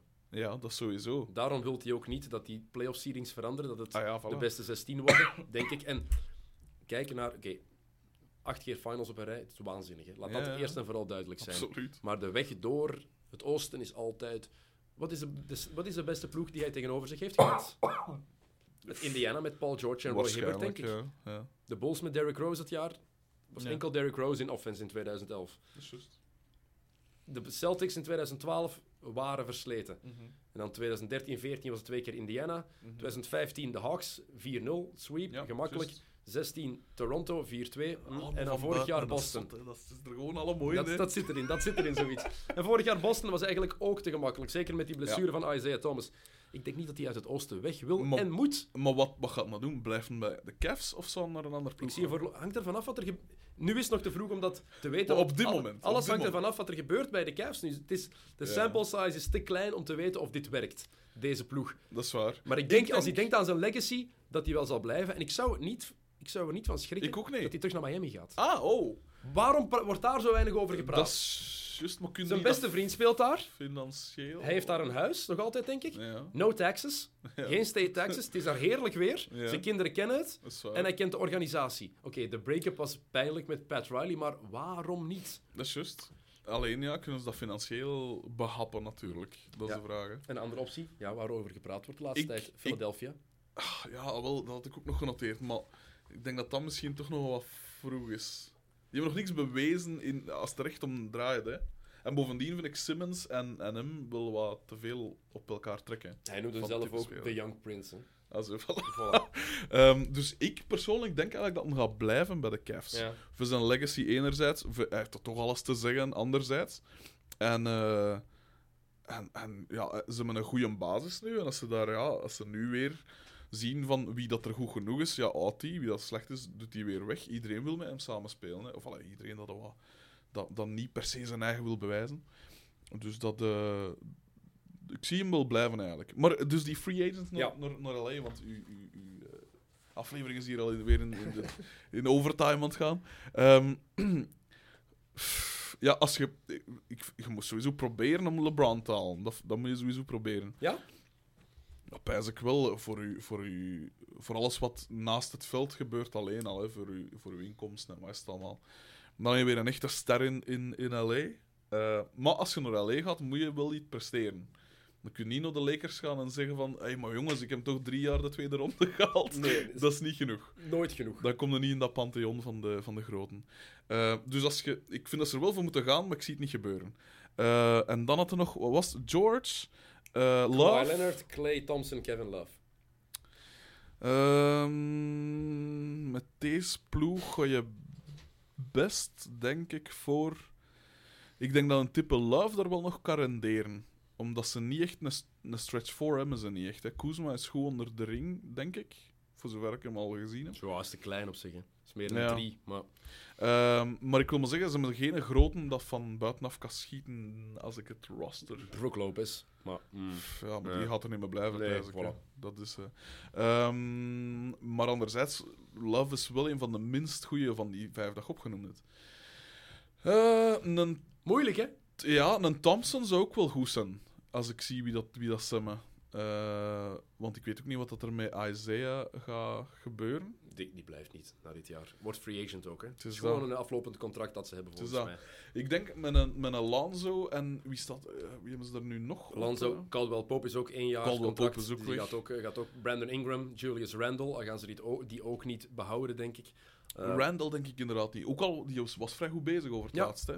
Maar ik denk niet dat ze die gaan houden. Ik denk dat ze moeten gaan voor een Thompson, maar die zie ik niet vertrekken bij, bij de Warriors. Komt uit LA, hè? Tenminste, heeft daar ook gewoond. Het zijn allemaal LA-guys ook, buiten LeBron, hè? Ik denk dat het meest realistische is Paul George en misschien inderdaad een Love. Ik denk dat dat het meest realistische is. Ik hoop op... ah, hoop. Als ik een Lakers-fan zou Lakers zijn, dan hoop ik op Kawhi Leonard en Klay Thompson. Die combinatie, twee Ja. goede two-way players, hè? Ja, ja, ja. Kawhi, ja, absoluut. tweevoudig Defensive Player of the Year, als die terug fit raakt natuurlijk. En Klay Thompson is ook Thompson een hele goede verdediger. Dat met Lonzo Ball, Thompson als shooter, Ja, ja, ja. Kawhi als go-to guy, ja. Brandon Ingram die zich blijft evolueren. ehm, waar eh, die dan gaat spelen, op de vier, de Ah, drie. wel. Ja, Maar het maakt tegenwoordig toch niet uit. Posities bestaan toch niet meer. dat is juist. Dus Ja, dat is de ploeg die ik, die ik zou... dus we zijn het erover eens. Sowieso Thompson en dan Ja. ofwel Kawhi of Love. Ja. Ja, Oké. Of ja, en Paul George, dat mogen we ook niet vergeten. Want Paul George, Ook nog een verdediger, hè? ja, Defensive Player of the Year Voilà. dit jaar. Ja, vind je? Gaat het ook, gaat het ook Ik worden? weet niet. Pijs het? Ja. Ik weet niet, ik weet niet. Ik ken de stats en zo Ja, niet het echt, is- moet ik zeggen, maar... Je ziet dat gewoon, hoe hij verdedigt. De eye-test alleen. Je kijkt naar een match van OKC. En Durant? Want Durant is Durant wel- was mijn tweede optie. Is mijn tweede Ja. optie. Is, ah, ik zou, als ik de top 3 moet zetten, dan is het Durant op 2 en Ja. ehm, Paul George op 1. Voor Ja. Defensive Player of the Year. Maar awards is voor een andere keer. Het is nog te vroeg daarvoor. We gaan het eh, er wel laten. Hè. Frederik, een uur en een kwartier, dat is genoeg. Ja, ik moest ook zien dat ik ze nog wat stem over heb, want ik moest ze nog gaan optreden en ik, ik heb al last van mijn keel. Ah, Dus... ja, ja, ja, ja. Maar je moet geen podcast meer opnemen nee, over de kampioenen. niet. Nee, nee, dat niet. Goed, om af te ronden, maak nog wat reclame voor je podcast en voor je, voor je groep. Vooral mijn dingen eigenlijk. Eh, wel, laat ons beginnen met de columns. Elke donderdag op demorgen.be. Of, want bij de morgen moet je ervoor betalen, eh, facebook.com slash Frederik de Bakker schrijft. Eh, of als je gewoon mijn naam intypt, zul je het ook wel vinden. Daar kunnen mijn columns gratis lezen. Eh, dat is meestal niet zoveel te lachen, maar soms verwoord ik wel iets nog, wel nog een keer tof, vind ik, persoonlijk. Ehm, eh, wacht, dan heb ik nog twee podcasts, Antiradio. Daarvoor ga, interview ik eh, muzikanten over muziek. Ehm, dat, is, dat is wel plezant. Daar heb ik een, een stuk of 90 afleveringen van al. En ik ga binnenkort nog wat doen. Dan heb ik nog Mij Gedacht. Daarvoor zeveren... Ik, ik en twee maten kijken daarvoor elke keer naar een aflevering van FC Kampioen. Zeer tegen ons goesting, want dat is ongelooflijk een banger. Ehm, en dan bespreken we die drie uur lang gemakkelijk. Ehm, en dus dat is ook wel nog plezant. En wat heb ik dan nog? Mijn groep, Collective. Ehm, check dat zeker eens. E K-O-L-E-K-T-I-V. Dus eigenlijk fonetisch met een V van achter. En daarmee spelen we vanavond in... Maar ja, dat zal waarschijnlijk vanavond niet meer online komen. Daarmee speelden we afgelopen vrijdag in, eh, in eh, Trefpunt in Gent samen met Vonnis. En binnenkort spelen we daarmee nog in Luik en Antwerpen. Je moet wel fan zijn van steviger gitaren. Ja, maar niet, niet super stevig. Dus het valt nog wel mee. Steviger, ja. Het is eh, comparatief. Voilà. Ehm, en dat zal het ongeveer zijn, denk ik. Ongeveer. Qua, qua bezigheden. Dat zijn al sinds de belangrijkste. Oké, Frederik, bedankt dat je er was. Eh, heel veel succes vanavond. Merci dat ik mocht komen weer al, want ik zei het, ik vind het altijd heel plezant. En ik zal speciaal voor u mijn best doen houden. Yes, dankjewel. Dankjewel.